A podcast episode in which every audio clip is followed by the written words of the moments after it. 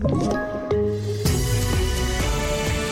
TV4-nyheterna börjar utanför Sävsjö i Småland där fyra män omkom i en drunkningsolycka igår kväll. Männen som är i 65 till 75 års åldern hittades i en isvak men polisen säger att man än så länge inte funnit någon orsak till olyckan.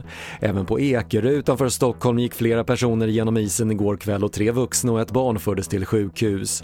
Deras tillstånd är oklart men samtliga var talbara när de räddades och nu varnar Issäkerhetsrådet för förrädiska isar på flera håll i landet.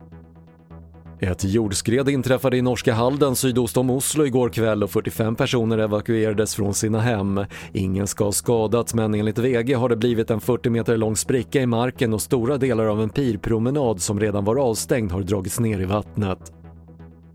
Och fler än 2,5 miljoner människor har avlidit i världen sedan de insjuknade i covid-19 enligt Johns Hopkins universitetet. USA har flest döda följt av Brasilien, Mexiko, Indien och Storbritannien och enligt universitetet stiger antalet nya fall i 6 av 10 av de mest drabbade länderna. Det var det senaste från TV4 Nyheterna. Jag heter Patrik Lindström.